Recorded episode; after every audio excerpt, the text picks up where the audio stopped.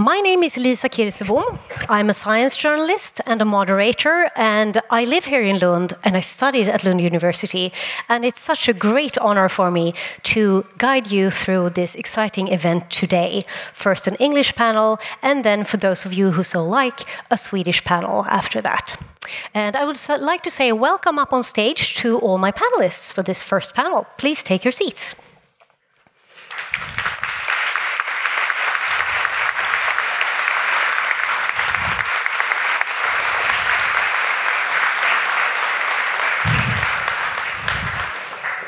Excellent, thank you. Let's arrange yourselves so that you can all see each other.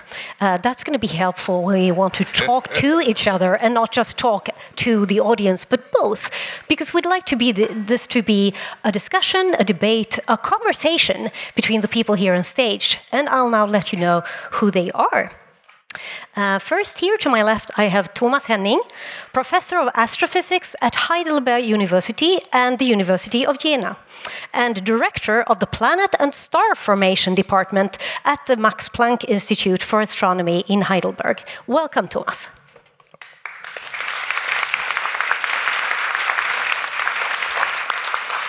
And Thomas is, of course, an honorary doctor of, of the year of 2020 at the Faculty of Science.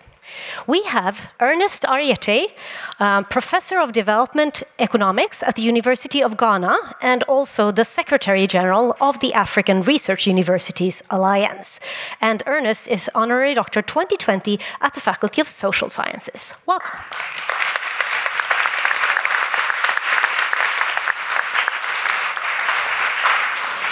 And then Penelope Davies, Professor of History of Art at University of Texas, Honorary Doctor 2021 at the Faculty of Humanities. Welcome, Penelope.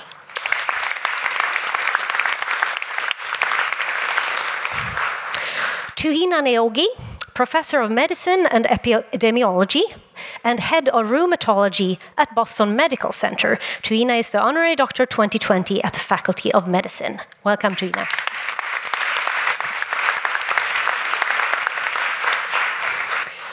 And Sylvain Laulom, Advocate General in the Social Chamber at Cour de Cassation, which means the Supreme Court of France, also previously a professor of private law at Université Lumière Lyon 2. And uh, Sylvain is Honorary Doctor 2020 at the Faculty of Law. Welcome.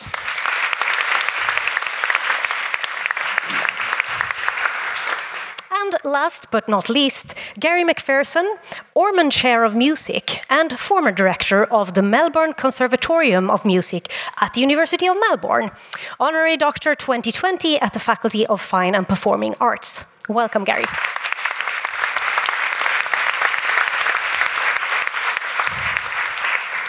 We will today talk about the place of science in society, but I'm sure that you are as eager as I were to learn a little bit about the research that these prominent uh, researchers are doing. So um, I'd like to actually turn first to Penelope.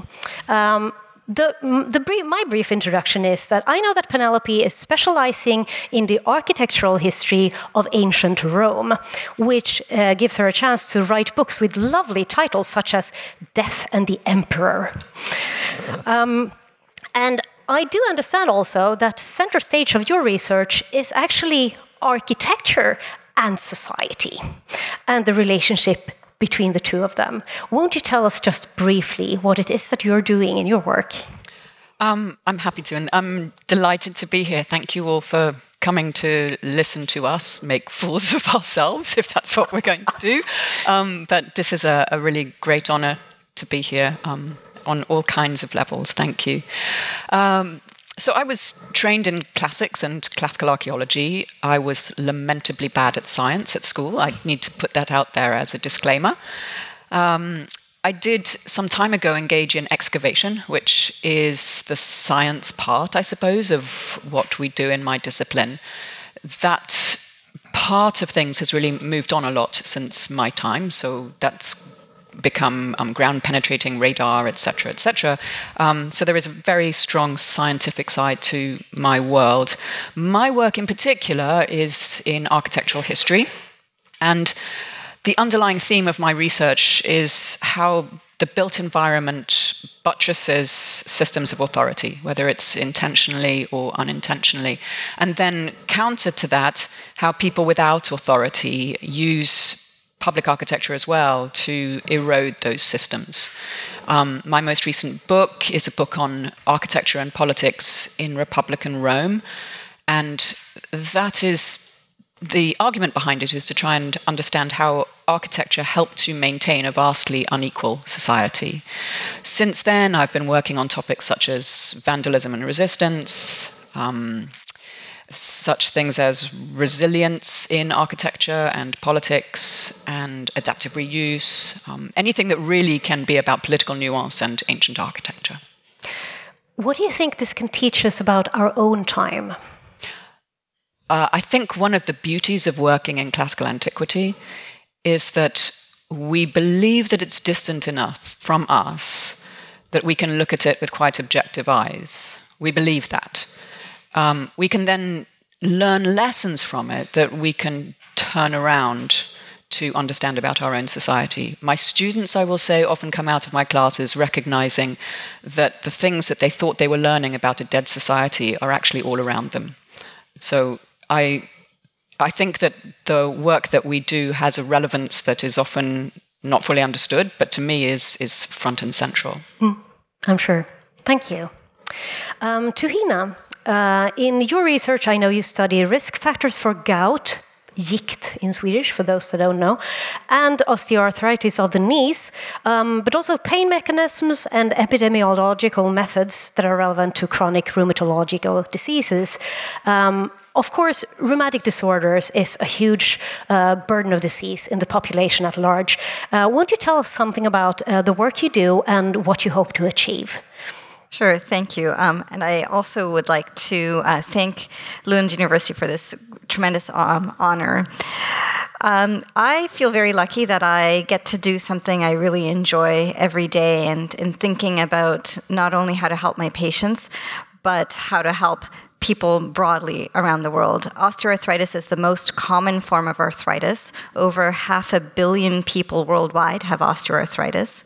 And gout is the most common form of inflammatory arthritis. So, looking out at this audience, I know there are a lot of younger people um, near the back, so osteoarthritis is not in the forefront of their minds, but perhaps those that are in the front half of the room. and uh, the knee in particular is uh, most commonly affected, and it is the main reason why people get their joints replaced. And musculoskeletal conditions generally are the second leading cause of years lived with disability. And so it impacts your functioning, your quality of life, all the things that you enjoy doing become more difficult. And so we, um, I'm, I'm very uh, you know, glad to be um, collaborating with Dr. Martin Englund on various ways in which we can better understand osteoarthritis, develop better management options, and improve the lives of millions of people around the world. Thank you very much. Um, Gary, uh, you work in the area of musical development, music performance science, and music psychology and pedagogy.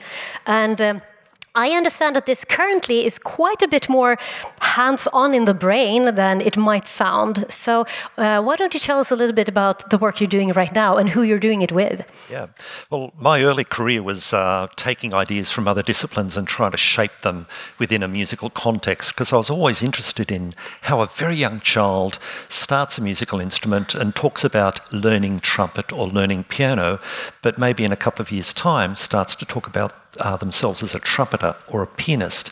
How, how, do that, how does that transformation take place? But more so over recent years, I've been connecting with other colleagues across the university in neuroscience and psychology, sociology, uh, and trying to bring together their theories with our work and understanding artistic talent and artistic development in a, in a richer way. And so uh, right now we have this uh, study going on that has two phases. We're looking at the genetic basis of singing ability and also the genetic basis of musical abilities. And I think we're on the cusp of huge changes in the way that we conceptualize ability more generally. Uh, we think we know how children learn an instrument and develop, but I think um, that may not necessarily be the case. Uh, I have other students working in synesthesia and absolute pitch, and all these dimensions of artistic ability that we know so little about. But all of this in my work is about practical applications through music education. What can we do to provide the next generation with a better education? And so that they can be passionate about their discipline like I can and others in our area can. Do you think, though, that it will change our view of music and musicality and what that is if we start seeing the patterns in the genes or genes sort of explaining things? Not necessarily. I think there's a lot of confusion about those natural abilities that might shape our early existence, uh, those gifts, as compared to those talents that we might develop uh, as a performer or composer or an improviser. So I think from my perspective, it's just giving us a, a, better window to view this from so that we can cater for the individual child. Uh, because I do think there are natural abilities that need to be further developed and they can be further developed. It's, people aren't uh, hardwired in a in a formal sense that they're not, you know, they're born to be a musician. I don't believe that at all. So um, for me, I think it's just about understanding all of this uh, glory in much more detail. Hmm. Interesting, thanks. Uh, now, Thomas, um, your research is on formation of stars and planets. I know you have developed a number of uh, really groundbreaking instruments for astronomical observations, used, for example, to capture uh, the first images of young exoplanets. Um, tell us something about your work and how you think this new knowledge on new planets can affect us. So, first of all, uh, great pleasure to be here today, great honor, and I hope that we can really establish more links to between our institute and the University of Lund. Actually, music and astronomy uh, have much in common. One of the greatest infrared astronomer, Herschel, was actually a gifted musician as well.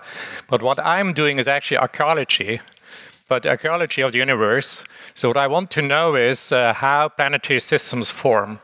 And that was a poorly posed question because until 1995, we only knew one planetary system, our own.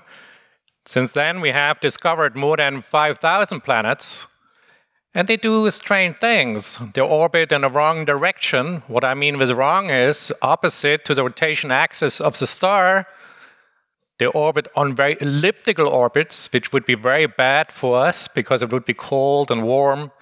Uh, they are in resonance systems, and all these worlds which are now out there, uh, I want to explain as a physicist. And how do I start? I start with micron sized particles. So, for those of you in the background, you have certainly heard that in school 10 to minus 6 meters. And a planet has a size of a kilometer. So, I want to cross 10 to 9 orders in dimensions. So nature has done that somehow, and I'm as a physicist, I'm also able to do that. But what does that mean for the society? You may think, well, all these worlds outside, this is not really important. But remember the year 1543. I think you're all too young to remember this year, right? so who knows what happened in 1543? Good. That's one person at least. Uh, 1543 changed the world by an astronomer, by Copernicus, who actually realized that the Earth is not in the center of the world, but the sun. But he also did something very interesting. He used physical laws to find out what's going on. And that changed, you know, everything in the society. So now we have another Copernican revolution. We no longer are the only solar system, we are many, and we know something else. Most of the planets are actually in the mass regime of the Earth. And we have billions of stars in our galaxy, there are billions of galaxies. And uh, that leads to the next big question. And Therefore, we need to talk to our colleagues from biology uh, and medicine to find out what happens with the origins of life, which, in my view, is one of the biggest challenges. Uh, and that was the reason that I had to get up so early this morning because I had to organize a meeting about this. Thank you very much. And we're very happy to have you here and hope to keep you awake all through the panel discussion. now, Ernest, I know that in your work you focus on institutions and their role in development, economic reforms, um, financial systems supporting development, uh, also informal finance and microfinance, all very relevant and very, in many places, very acute questions.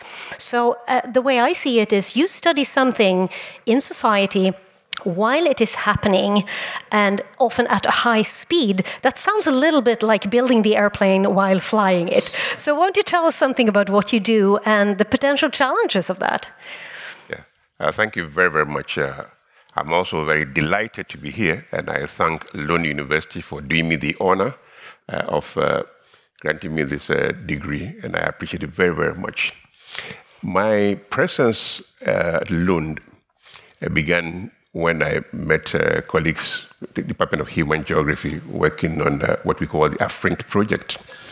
They, like me, were trying to understand uh, why some institutions in uh, Africa seldom responded uh, to the kind of incentives we would normally provide in economics. I had spent many years of my life trying to understand as an economist why basic theories uh, in their field very often couldn't explain the things I saw around me. So uh, clearly, economic theory had views about how markets should respond. Uh, they had clear views about how individuals living in a society uh, should respond to interest rate changes or exchange rate changes or all the other indicators of economics performance. But the people around me behave differently, and I also behave differently. So I needed to understand why economics couldn't explain the things around me. That's what took me into developing economics. I looked at institutions around me. I looked at all the incentives that were made available by the institutions. So, why, for example, couldn't we get farmers to respond to price incentives? It's a very important question. Uh, if you are going to run policy uh, in any part of the world, you need to have a handle on various mechanisms, various instruments, tools that can use to induce a response. If you can't do that as an economist with prices or with institutions or any other incentive, you've got a big problem. And that's what has kept me going all these years, trying to understand why poor people save the way they do, trying to understand why the informal sector in Africa is as big as the formal sector itself. Why do people refuse to be formalized in the way they conduct their business and so on. Uh, so, working with people uh, here at Lund, have understood why farmers behave the way they do, uh, why they seldom apply fertilizer when we expect them to apply. Uh, the reasons may have nothing to do with the price of fertilizer. So, with time, I've come to appreciate the things that happen around me. I've come to appreciate people who have money and will not put it in a bank. I've come to understand why governments knowing very well uh, what they stand to gain from a particular investment, will not make that choice because it is not politically advisable. So, yes, uh, I'm here, I'm where I am, uh, because I've been trying to understand why people do what they shouldn't be doing. Right. Thank you. Um, well, Sylvain, um, I know your research has been mainly on national and comparative labor law and the social policy area of the EU law. Um, it's really like a political context interacting with uh, legal development in Europe. And so it's certainly very much also research on, on society. Uh, why don't you tell us a little bit about what you are or have been doing, and maybe also on your work um, at the Cour de Cassation? Well, first of all, even if I'm the last one at that time, I want really to thank University of Lund to invite me here of the honor and uh, really tell you my pleasure to be here. So, uh, very long time ago, I did my PhD uh, at the European Institute in Florence. And I discovered that law uh, is not only national law, but it's also European law, and also that what is very interesting to, is to analyze the interrelation between the European level and the national levels. So, my area, I will say, of analyze is labor law. And what I'm really interested in doing uh, is to compare the evolution of national law because I tell you a lot about the evolution of society. And um, in the research I developed, I was particularly interested in discrimination and also um, on research about what happened after the 2008 big economic financial crisis because it was of course a moment where a lot of things happen at European level with new policy economic policy uh, defined at that level. And what I wanted to do is to explore what was happening in different uh, countries, how this policy was received, how it was perceived also. And when you're a lawyer, I mean, it's a social science, but one I will say a bit strange is that it's still very national. and uh, French law has nothing to do, of course, with American, with uh, Australian, of course, with Sweden laws. So if you want to do comparison, uh, you cannot do it by yourself. Well, like in all the science, you will need to have a team of researchers uh, to, to understand really what is happening in other countries. Why, for example, trade unions are so still so important and so strong uh, in Sweden. So how can you have at European level a proposal on minimum wage, which is not welcome in Sweden, but of course really welcome in other countries? So to do that, you need to analyze not only law, as you say, but really um, other discipline, because sometimes the answer in one country won't be a legal one, but uh, an industri industrial relation one or anything. So you really need to, to, to mix European level and comparative analysis. And well, now what I'm doing, it's a bit different because it's really applying law and trying to find uh, the best solution, uh, legal, of course, to, to cases. But I mean, when you are doing uh, this, uh, it's new, new opportunities, of course, and it's very interesting, of course, when you have cases, of course, about, well, I was thinking of one cases about platform workers, for example. Uh, and of course, uh, you ask the judges to, to know if they are employment, uh, sorry, worker, employee workers, uh, do labor law apply to them or not? And this is also uh, other very technical legal issue, interesting, but uh, only for a narrow public, I will say. Thank you very much. Very interesting. Um, so, if we are to talk about science and society, maybe there is a necessary starting point. Um, is it obvious how to define science. What is science? Anybody wants to touch on that? Can it be any type of knowledge? Penelope, do you want to give us a word on what you think that science is? you asked me to be kind. Was this not so kind to you? well, thank you. Um, it's just a starting point. Well, I go back to Latin, scientia. Um, it is a very um, broad reaching noun. It's nothing like the more narrow definition that we tend to use today. Um, it's really a, about knowledge broadly.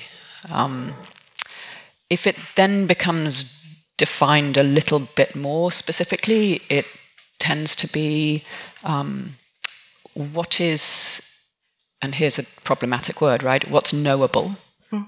versus what is believable or interpretable.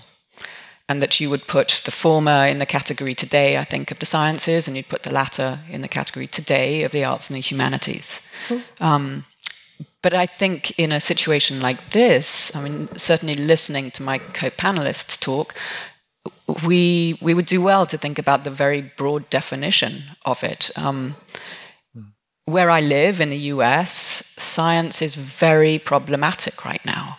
Um, it is very much under threat, um, and it's being looked at in a very narrow way, um, and is distrusted by many.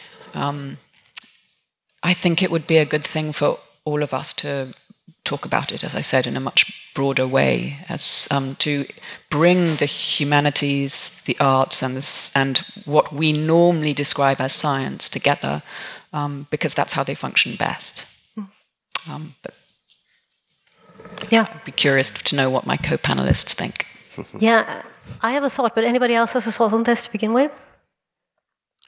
I think there's a good point that science has really to work together with societies. And uh, I, I, think I wanted to give an example, which is actually related to what you just said. I mean, modern human societies are very complex systems. And that leads an increasing fraction of the population to the belief that one needs to have very simplified, but in many cases, oversimplified concepts and very often you want to go back in time that we now see in many countries. You would like to go back in time and have the society back you had 50 years ago, but that's not the solution. So, as a physicist, I would say I also work with complex systems. Uh, universe is a complex system, certainly. The first thing which I see is actually that this system is beautiful. So I think what we need to teach societies or the members of societies is that complexity is not nothing you should fear. It's actually something which is beautiful. And the next thing I think which is important to realize, of course, we also try to find uh, laws. Uh, we also simplify, but again, we do not oversimplify. Of course, societies are not, it's not physics, not the same, uh, but I think we can learn from each other. I just took this example, and that's certainly true if we go to music. We have similar concepts, and, uh, and I think one thing we all try to do in science is to develop frameworks. That's a law, that's what you just heard that's in physics, that's in archaeology. So we try to find laws, but also the framework for our science. And uh, that also touches on things we do in society. So I think the, the message I have is complexity is beautiful, complexity in society is as beautiful, and let's uh, try to convince people that they shouldn't be afraid of the complexity. And they shouldn't come up with oversimplified concepts. And uh, can yes, just, Gary? Yeah. Could I just add to that? Uh, I mean, the beautifully eloquent uh, responses. Uh, for me, another dimension is through our research, I'm not so interested in consensus, everyone agreeing, but somehow refining the debate. And for me, the really interesting thing to do and what gets me out of bed of a morning is that dialogue with others to try and come up with more sophisticated views and understandings of fairly complex uh, issues. So it's about refining the debate and gradually, you know, uh, evolving our own thinking. And I think that's part of what you were saying. Yes, maybe. Well, um, it's very difficult, I think, to define science. I don't know if I'm really a scientist. As a social scientist, I'm not sure. But uh, what I know that even it's very, and also science is very difficult to define because um, all the disciplines are very different means, dif very different methodologies, very different objects uh, to analyze. But I think there is one common point is that it's a collective organization to, um, I will say, to, to check if you've got a scientific results. Science is organization, I think, of controversy to at what moment you've got one result, which is very often the result of a collective team and so on. And this result will be published, so you have also collective organization of, of uh, the, the scientific results, and it will be evaluated by some other scientists. They will say, maybe I don't agree, I disagree, and like that, I mean, of course, you see the complexity of the process, but it's a way to sort of, at what moment say, well, maybe at that moment, this is a scientific result. So it's not a definition of science, maybe it's more a definition of the process. But do we, do we need to talk more about the process then? in public. Could that be one way of handling the fact that uh, science, as you said, Penelope, is often in this time is challenged, that it's put aside of other just beliefs or even just collections of facts that really don't belong together, but people say all these things are facts, so I'm drawing my own conclusions. Do we need to talk more about the process and the methods?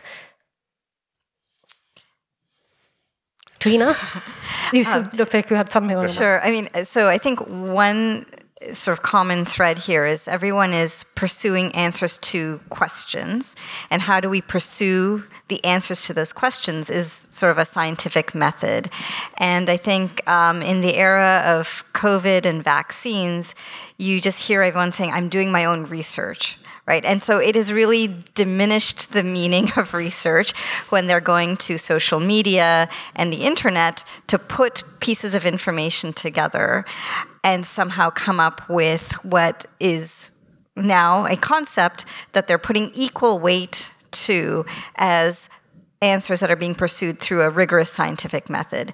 And so I, I, do think the process is important to understand because it's not just about someone on Facebook said this and that's why I believe it. Um, and I think we as communicators have not done a good enough job to make that understandable. I think sometimes we are, the words we use, um, and we're um, sort of only speaking to ourselves and not articulating to a broader group how this information is known and how we need to apply that information. First? Yep. There are many reasons why uh, the public should be interested in science.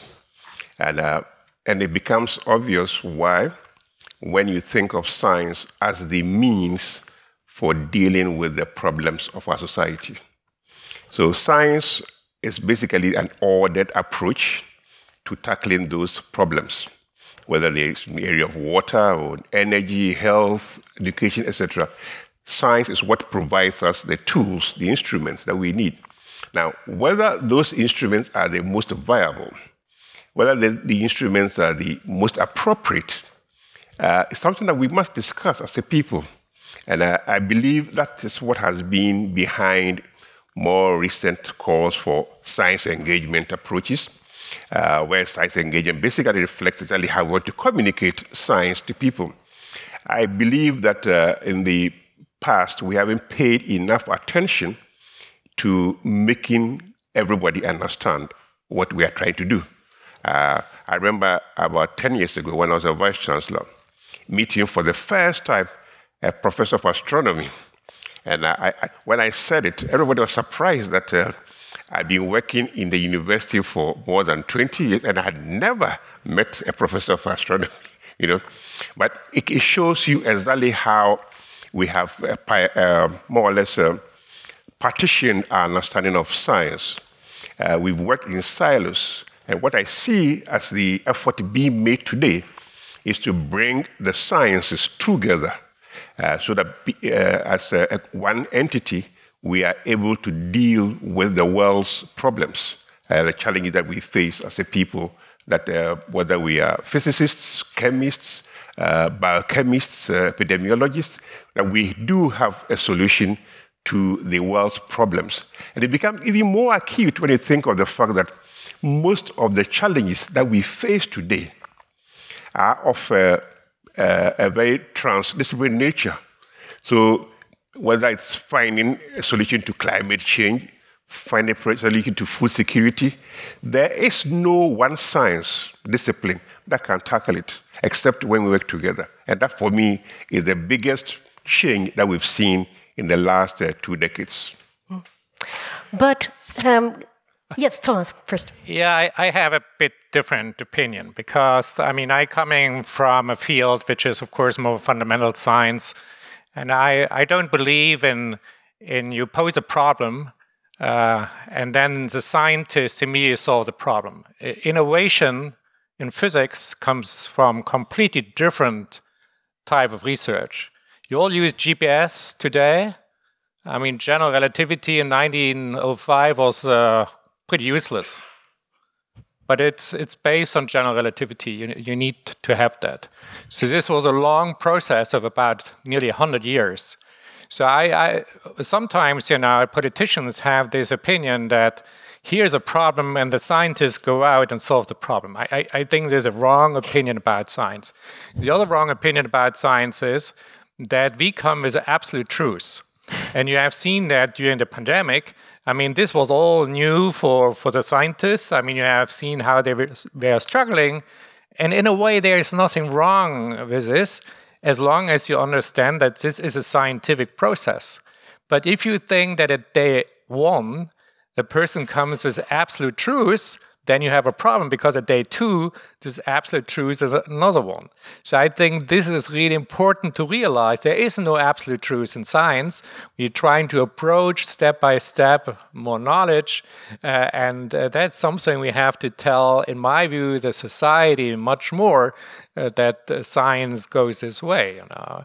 So for you in the in the background, you know, go for more knowledge but don't claim that you have the absolute truth. Yeah, and I'd like to just um, uh, reiterate that. I think that's where the process, the scientific process needs to be better shared and articulated because it's absolutely that as new knowledge comes, ideas will change and there's that doesn't mean that things were wrong it's just that's the scientific process you gain new knowledge you reformulate the ideas Penelope. Just to follow up on your um, your initial question here about whether we should be more open about our process and our method. Yes, of course we should be, um, but it's also a question of how we do that.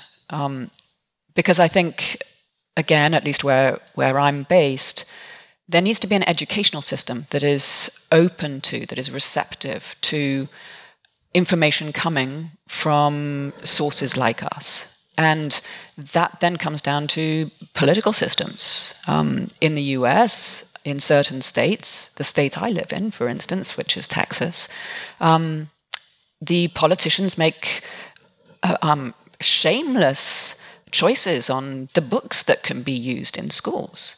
And if they're making choices on um, things like Darwinism, for instance, um, it's not clear to me that we've worked out a process for getting process the process of our work to a broad audience because that broad audience has to be it has to start at a fairly um, early level.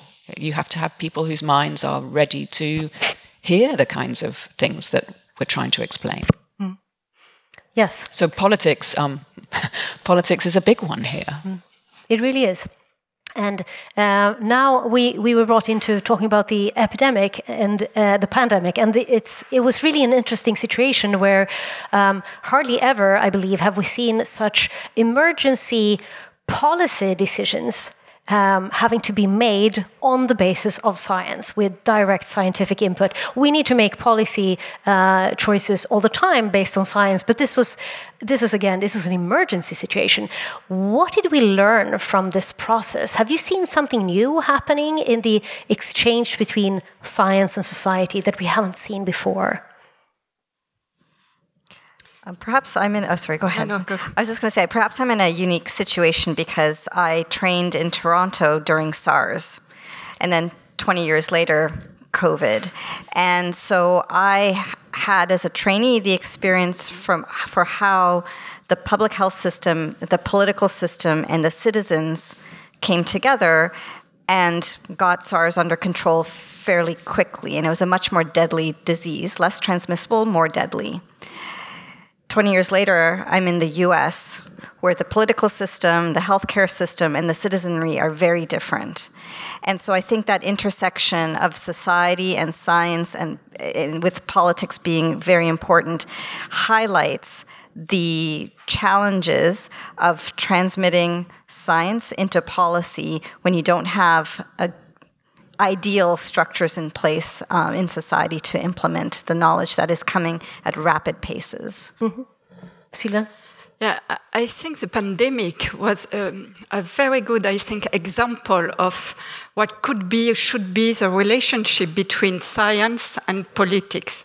And uh, uh, because um, it was really at the beginning, uh, nobody, nobody knew anything about the COVID. So science couldn't give any answer. But very, very quickly, uh, the politics used the first scientific results to, um, to define their policy, and it was uh, it was a very strong policy with human rights implication, enormous human rights implication. I mean, uh, freedom of movement was was strict, well, more than restricted in France.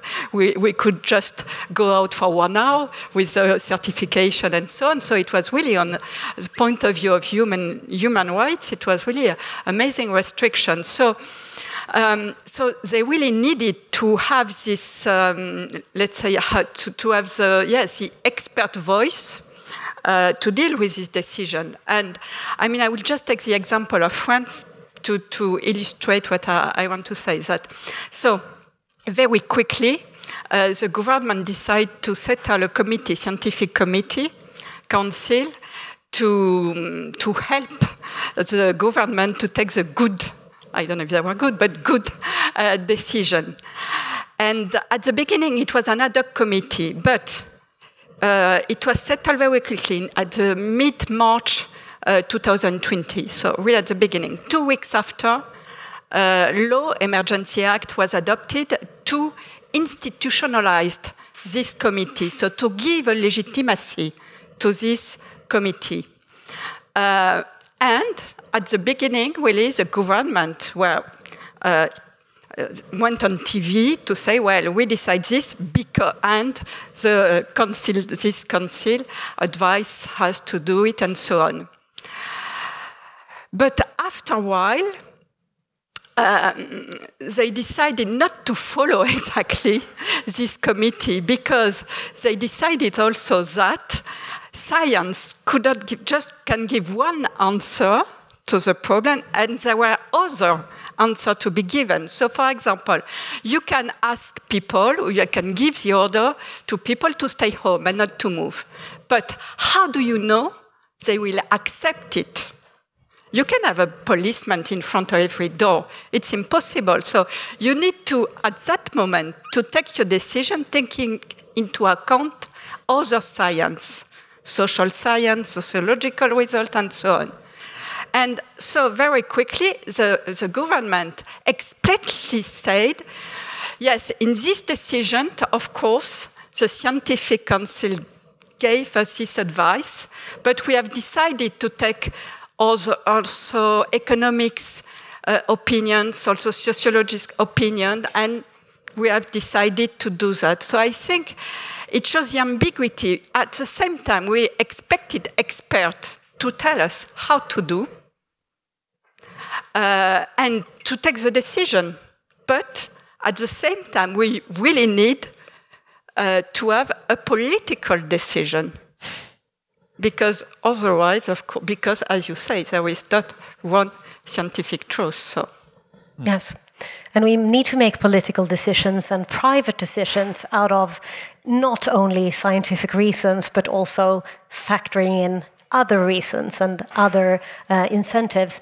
Now, um, it seems we are very much in agreement that we need to to to connect science to society and society to science in a good way and to solve some really complicated issues we need more collaboration between disciplines and more cooperation around the processes that we can agree on. So, I would like to hear something about how do you think the scientific community is doing when it comes to this at this point?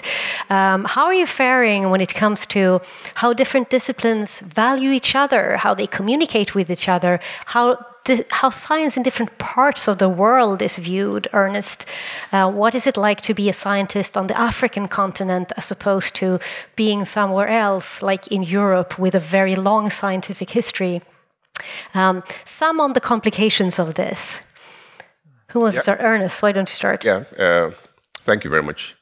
One of the things I've observed about living in Europe is that we take science for granted everybody assumes that uh, their way of life is going to be impacted by the understanding of the science around them. In other parts of the world, it's a, li- a little bit more difficult. So, so kids go to school and they study science. they study physics, they study chemistry, they study biology, and all the related uh, disciplines. Without the school system, even teaching them uh, how this is going to affect them in, later in life, it doesn't do that. So, as a kid goes through the school system and be, eventually becomes a physicist, there's nothing that has prepared him or her for a world in which physics relates to society. So he or she becomes a physicist, but it's completely cut off. You know, so a lot of the effort I see today uh, in, my part of the world is an attempt to bring these together. Uh, an attempt to bring these together for the physicists or the chemists or the biologists to understand the society, exactly how his or her knowledge of the science impacts the rest of the people around him. It's taken a long time. It's taken a long time for African governments to understand that they have a role to play in that, that they must invest in the development of the science itself and must also invest in making that science accessible to people. Uh, I'm very happy that in 2007, the African Union decided that all governments in the region should devote 1% of GDP to research and innovation. To research and innovation. That was a major departure from what had become to. So, of course, you ask me how many of the governments do that. Less than two of them have actually put money into it. South Africa is easily the most advanced in the area of science and technology. Uh, is the most advanced in terms of having the infrastructure for research and innovation. Uh, most of this is done through what they have as a National Research Foundation. Today, we are struggling to get 16 other African governments to do the same thing, have the infrastructure that supports science, uh, have the infrastructure that allows people to understand science. So it's, it's a long way to go. Uh, we've got to teach people that science must be developed as a way of life. Uh, science holds the future of the people. Science holds the future of the world. And it's something that is, must be taught in schools and they must be imbibed by the society and for the scientists also to appreciate what it means for science to be used effectively by a society. Mm. Yes. I think in natural science we have, of course, uh, very specialized language. You know, if you talk to organic chemists, uh, it's very different uh, compared to physicists. But nevertheless, I think we now have a number of problems where these disciplines come together again. And uh, I, I, mentioned this origins of life. This is not just a biological problem, it's not just a chemistry problem. Uh, there, there, are a lot of disciplines coming together. And I think this is uh, the most fascinating part of science. If, if you really bring things together, as you are bringing different law concepts together, uh, then we learn a lot. Uh, uh, but uh, I think uh, many um, scientists in physics or chemistry and mathematics have a very deep uh, understanding also of philosophy. So I'm very much interested in philosophy. I mean, my science touches on philosophy. for instance, we could, for hours, discuss what life actually is. And there are a lot of philosophical treatments of that. Uh, very interesting. Um, so I think th things are uh, cross in a cross fertilization mode. Uh, I, I, personally think it's more difficult to have the dialogue with general society uh, because if you have a discussion with a general society, you really need to change your language. I mean, I I established a big outreach center uh, and uh, I know that if you just give your astronomy speech there, after five minutes, people will sleep. so you have to to change the way you talk to people, and this is a bit of an art.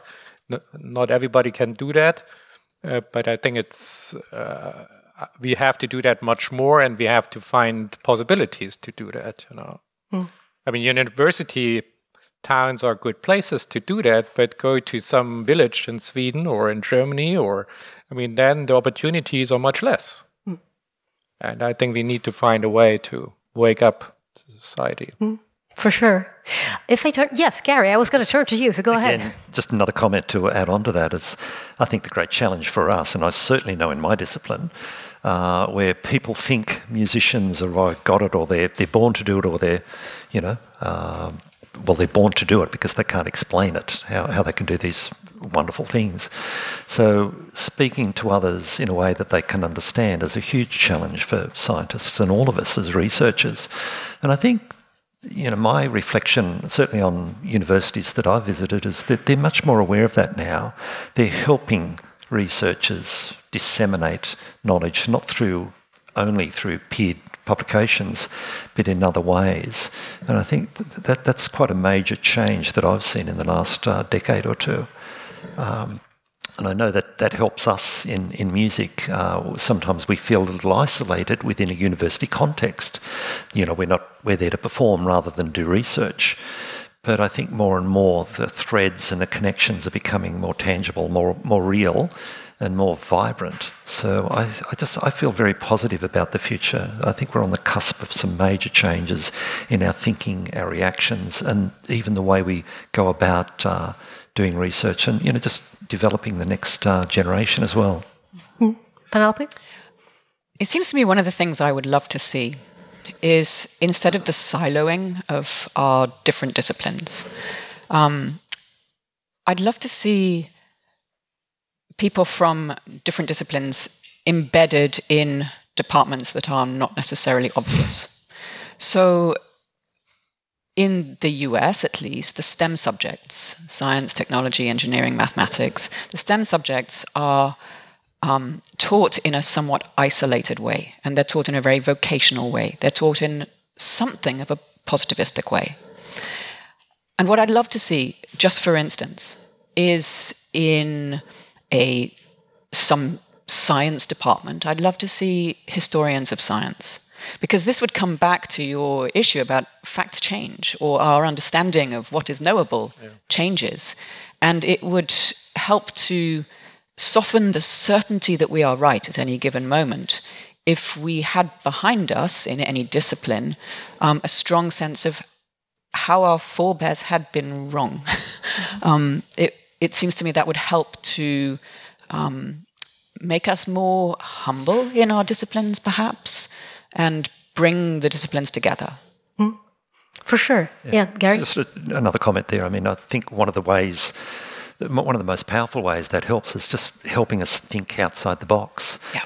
Probably the most wonderful presentation I've ever seen was uh, a medical practitioner from Britain, and he was talking about his major hospital in uh, uh, London, where they have artists come in and just to, to mingle with the the patients and the and the uh, the, the doctors. And one year they had, uh, as a resident, uh, a woman who does lace and she repairs or restores lace and cloth that's hundreds and hundreds of years old and tiny little uh, ways of threading it. And they invited her to watch an operation. And at the end of the operation, she told the doctors, "You don't, you don't sew it up like that." And so, and, and and so she taught them a, an completely different skill. But on the other hand, her being there and watching, she learned other techniques. Mm. And the wonderful thing about that presentation is just the glory celebrating how both angles, both sides were enriched by this experience. Mm. Yeah. And I think that speaks to um, being humble as well, right? That we can learn from observing in many different ways. And, uh, you know, members of teams across silos, we need more of that interaction. And even in medicine, you know, a lot of companies are pursuing the, the drug, but helping farmers in Africa to improve nutrition, helping with labor laws to improve wages and, you know, all sorts of building better lived environments. Um, those types of things could have a bigger impact on health than like pursuing that multi-million dollar program to make a drug. Um, but we don't have enough of those interactions. Um, in medical school for many years, the social determinants of health were just a one hour lecture, whereas now we understand that the social determinants of health are going to have a much bigger impact than a medication for that blood pressure. Thank you for sure, for sure, absolutely. Uh, it might seem sometimes that medicine is one of the really like self-sufficient parts of science, But it's not. Not if you want health as the sort of end goal, right? Then we need everything that you were just talking about. Um, I will, uh, in just a few minutes, I will open up for questions from the floor. So get ready. There will be microphones for those of you who want to ask questions. But I'd like to hear one more thing from uh, from the panel before that, and that is, um, so if we want to bring science more to society and solve some really difficult questions for the future, we probably also need society to sort of come into the science at an earlier stage. I believe that's partly what you're saying, Penelope, when you're saying we need to sort of mix up the disciplines, especially since we have some really, really challenging issues to, uh, to that we're facing. It's not just climate change, but for example, gene editing or other or digital issues where we really need to ask ourselves the questions: Who who are we as humans, and how do we want to move on with this? So I'd like to hear something from you on how do you think that society can sort of be brought into science in an earlier stage? Any ideas on that? I think the best idea, in my view, is uh, to include uh, the teachers uh, in the science process and send them back to the schools uh, with a good idea how science works. And that's exactly what we are doing. So we have a big program so that teachers come and build a network and are in contact with science. And it's actually very interesting. If you ask a teacher when he or she uh, spoke to a scientist last time, you can do that in your schools. Uh, you will get a very surprising answer. That might be so. Um, any other thoughts? I, th I, think the, the whole idea of uh, science engagement is one that needs to be taken a little bit more seriously than we have uh, uh, to date. Um, by that, I mean basically teaching scientists how to communicate, how to communicate uh, their research, how to communicate their findings to a non technical audience. It's, it's, very important. And I don't think we've paid enough attention to that. At least in my part of the world, uh, I, I, don't know of many opportunities for scientists to write for the popular press. Uh, I don't know of many opportunities where scientists get a chance to interact with students, uh, with people of, from schools, and so on. If we were able to uh, make young people understand what we're trying to do with the science, we're able to make uh, uh, these kids, as they go through the school system, appreciate more how their understanding of science helps other people, including themselves. Uh, we will be seeing more and more of that, more of that uh, embedded in the way the society itself develops. Uh, so we, we need to think more about how to communicate. I've, I've, I've seen in a couple of uh, universities in Africa, especially in South Africa, where communication for scientists is beginning to grow. And I believe it's uh, a lot probably more pronounced, more observable in Europe than in other parts of the world. Mm, probably. Thanks. All right, questions. Even yeah, it's probably on. It's just it's on. Thank you. Yeah, and Thank hold it very, very close to your mouth, and we can hear you. Interesting uh, presentations. Now, my question is the following: um, I read somewhere that the majority of all researchers who ever lived on this planet are still alive and active. I don't know if it's you know, true, and probably not in all areas of, of, of uh, science, but I've received my own field that it's impossible to keep trace and read everything that's written in my own field. You know, and uh, I wonder whether you perceive you, you different areas you perceive it as a problem that you can't keep pace with everything that's being published, even if you have a quite narrow area of research. And can there be anything done about it? Thank Is you. there so? Is there so much science and research going on in your fields that it's actually hard to keep track because science or research as such has grown so much? Anybody wants to reply to that? Yes. Yes, go ahead, Penelope. No, that's my answer. Yeah, yes. All right. Thank you. Any anyone want to challenge that answer?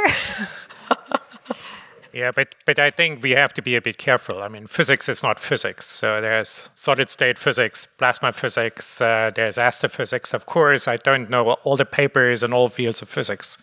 But I think in my field, I, I know very well what's going on. I may not read every paper, but I go to conferences, I talk to the groups, and I think I follow very well the key ideas. So I think I will not overlook a key idea, but I will overlook a key idea in plasma physics because yes. I'm not working in this field. So I, I, would completely agree with that in my field, despite my facetious answer.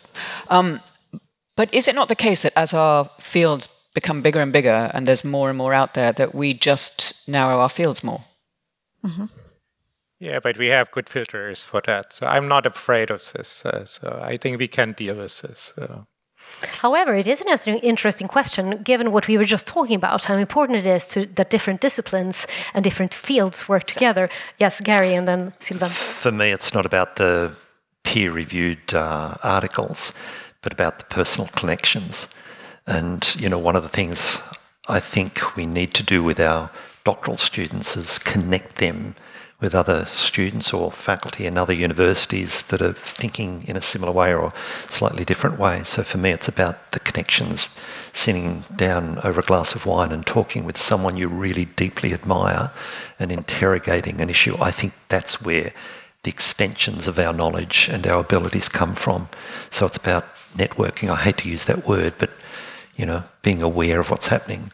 I can remember, you know, when I, I can when I first uh, started publishing, it was always solo efforts. But now, virtually everything I do is co authored. And I think it's much richer, much better, and I love the process much more because of that connection rather than my earlier period when I was doing everything in isolation and just reading from books in, in Australia. Mm-hmm. Sylvaine?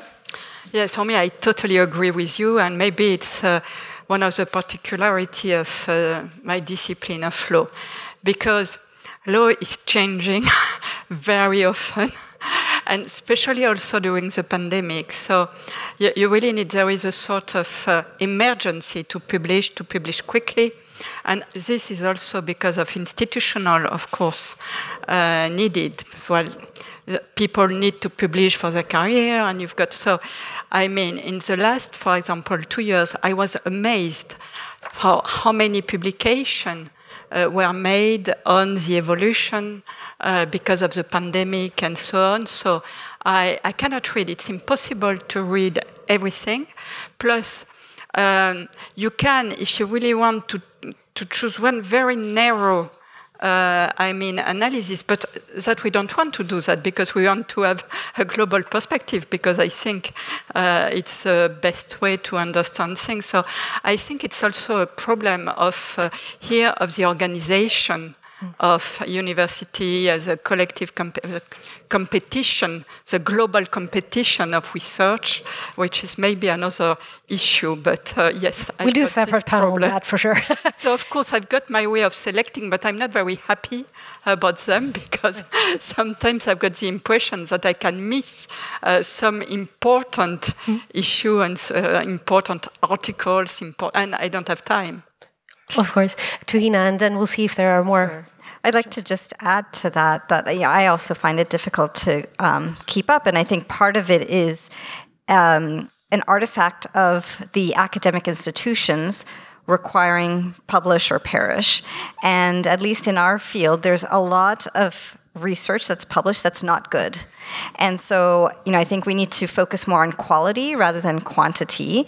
Um, and, uh, you know, I can't speak for other disciplines, but, you know, sort of in, in reflecting on what we're talking about today, if as a broad field of medicine, if there's bad research being published, how can we expect the public that's not trained in those areas to differentiate what's good versus good. bad? So I think we need to do a better job within our own um, disciplines and, as I said, focus on quality rather than quantity of publications. For sure. Other questions? Yes. Thank you. You touched upon before how the political level can impact science and scientific freedom negatively, and also how the system kind of drives us into silos. And I would like to turn that around and like to hear your wish list. Do you think there's anything the political level, or I mean, general system changes? What what can be done to create environments for cross uh, disciplinary research the way that you all described is, is needed. I have one word, which is autonomy and independence.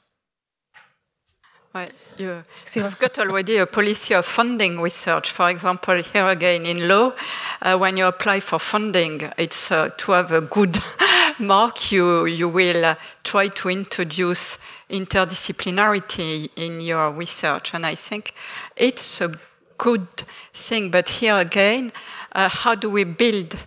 A, good multidisciplinarity. It really depends on the object. So, for example, if I work, uh I work on work and on employment, um, it's obvious that I will uh, like to discuss with uh, economic to define, for example, what is uh, fair wage and how to define, and of course with also uh, political scientists to discuss about discrimination, uh, because you can have a legal approach, but of course discrimination is also something um, very rooted in the society. So how do you, how do they merge and so on? So you, you really need to, to, to, to think of how to build, but I think policy, yes, can have a, good role. But after, it's always uh, a problem of uh, academic policy where uh, you, well, we know the, how deeply we need funding and time we spend in uh, so it uh, has to be balanced. I will say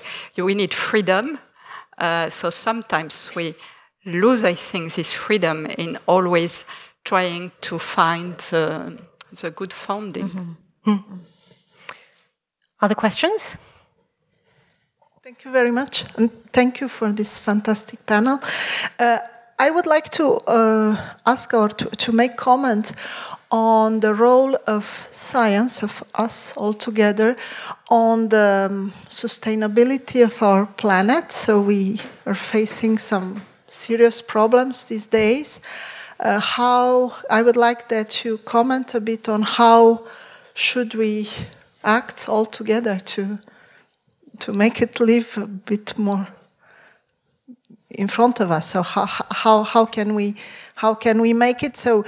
Two years ago, when COVID arrived, we said, "Oh, we will save the planet. We will never do that again." Now we've forgotten that, but we have to do something.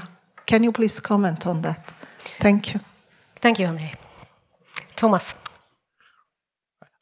I actually think that we are in a very similar situation as in the pandemic because I could give you scientific concepts. So my scientific concept would be in Germany, we switch off the heating system everywhere. Of course, that's not possible. So it's this. No, no, but but it's you know I can give. This is what you said. You know I can give you a scientific recommendation, but you cannot follow the scientific recommendation because otherwise your society uh, has a real issue. So it's not just science, it's actually science and society together uh, where we have to find the solutions. I, I use a very simple recipe, you know. The simple recipe was turn down the heat, you know. This is, but so this would be my scientific recommendation. But but I mean for for solving the problem, scientifically, under the under the conditions we have at the moment, you may actually need more time than we have and and that that is the issue we have yeah? Mm. i mean what we do at the moment is i think a real problem because we are all proud that we are now switched from our old cars to electric engines. But i invite everybody to go to chile and bolivia and to see what happens with, the lithium uh, production in these countries. So our wealth and our car driving in sweden or germany or denmark is based on environmental pollution in in these countries. So what we have to do at some point is to see all the effects, and I think here science can help again. You know, not just see one solution, but but uh, but many solutions. So unfortunately, there is no uh, no simple answer to to this problem because we are in the same situation as we were in the pandemic, uh, where we had to find the compromise somehow. We also have to get rid of lobbies. Huh? We have to get rid of lobbies get rid of lobbies. Mm, yeah. we do. That that would probably be a good step. But I'm also thinking, as Thomas is pointing out, it needs to be it needs to be solved by science and society, but also by all the different sciences. Maybe some sciences need to take more of a role in this uh, than they have so far. Maybe, for example, humanities need to also step in and be more listened to. Uh, the parts of science that know something about how we act as humans and maybe what can create real incentives for change in us because that's more of a problem right now than knowing what needs to be done is how are we going to get about doing it? That's well the construction industry is the one of the biggest problems hmm. in in terms of um, emitting all the gases we don't need. Um, and that's one that is never front and foremost. That is true. Hmm. one last question First of all, thank you so much for this discussion. It was really interesting to hear all of your perspectives. But I had a quick question about something you mentioned towards the end about how the best way to connect society with science is by bridging the gap between educational institutions and scientists. But as a student, it can sometimes feel daunting to approach scientists, and there is a very wide gap between us. Do you have any suggestions on how we can work about bridging this gap and ways of approaching scientists and connecting with them? Thank you. Good question. Any thoughts on this? Yeah, I mean, what, what we are doing, I mean, I mentioned that we have this public outreach center, and we actually invite um, teachers, teachers, but also students uh, who will become teachers. And they work directly together as scientists on certain problems. So they, they are somehow embedded in, in the science atmosphere, meet scientists, and then also build their network. And over the years, they also built their own network because we can't, of course, uh, teach 10,000 teachers. So, so I think this is a way how that works. And I think every university could actually do the same. Uh, they could embed a physics teacher from Uppsala in the Lund physics department and uh, for a month in summer uh, and see, and this way make a connection. Tina? So, when I was a high school student, um, I'm from Toronto in Canada originally, and the University of Toronto had a program, summer program for high school students to rotate through different labs or lecture halls and um, and things like that. And that my first experience there was so positive. And I, I really credit that mentor who took me in as a high school student. I think that probably set me on my path. And so you guys sitting over there you guys can form something at your school and make connections with the folks up at the front and start getting rotations going so that you can be exposed to different things. Because sometimes if you don't get exposed and you don't try you won't know that there's something that, that's sparking your passion. So i would take your question and say head a committee in your school and see if you can get something connected with Lund. Thank you very much. Um, I would have wished to continue this discussion for longer. I would have wanted to hear more questions and to ask more questions, but it's time to wrap up. So I uh, would like to say a huge thank you for you all for joining me up here on stage today. It's been truly interesting. So thank you so much to Thomas Henning, uh, Ernest Aryeetey, Penelope Davies, Tuhina Neogi, Sylvia Laulom, and Gary McPherson. Thanks.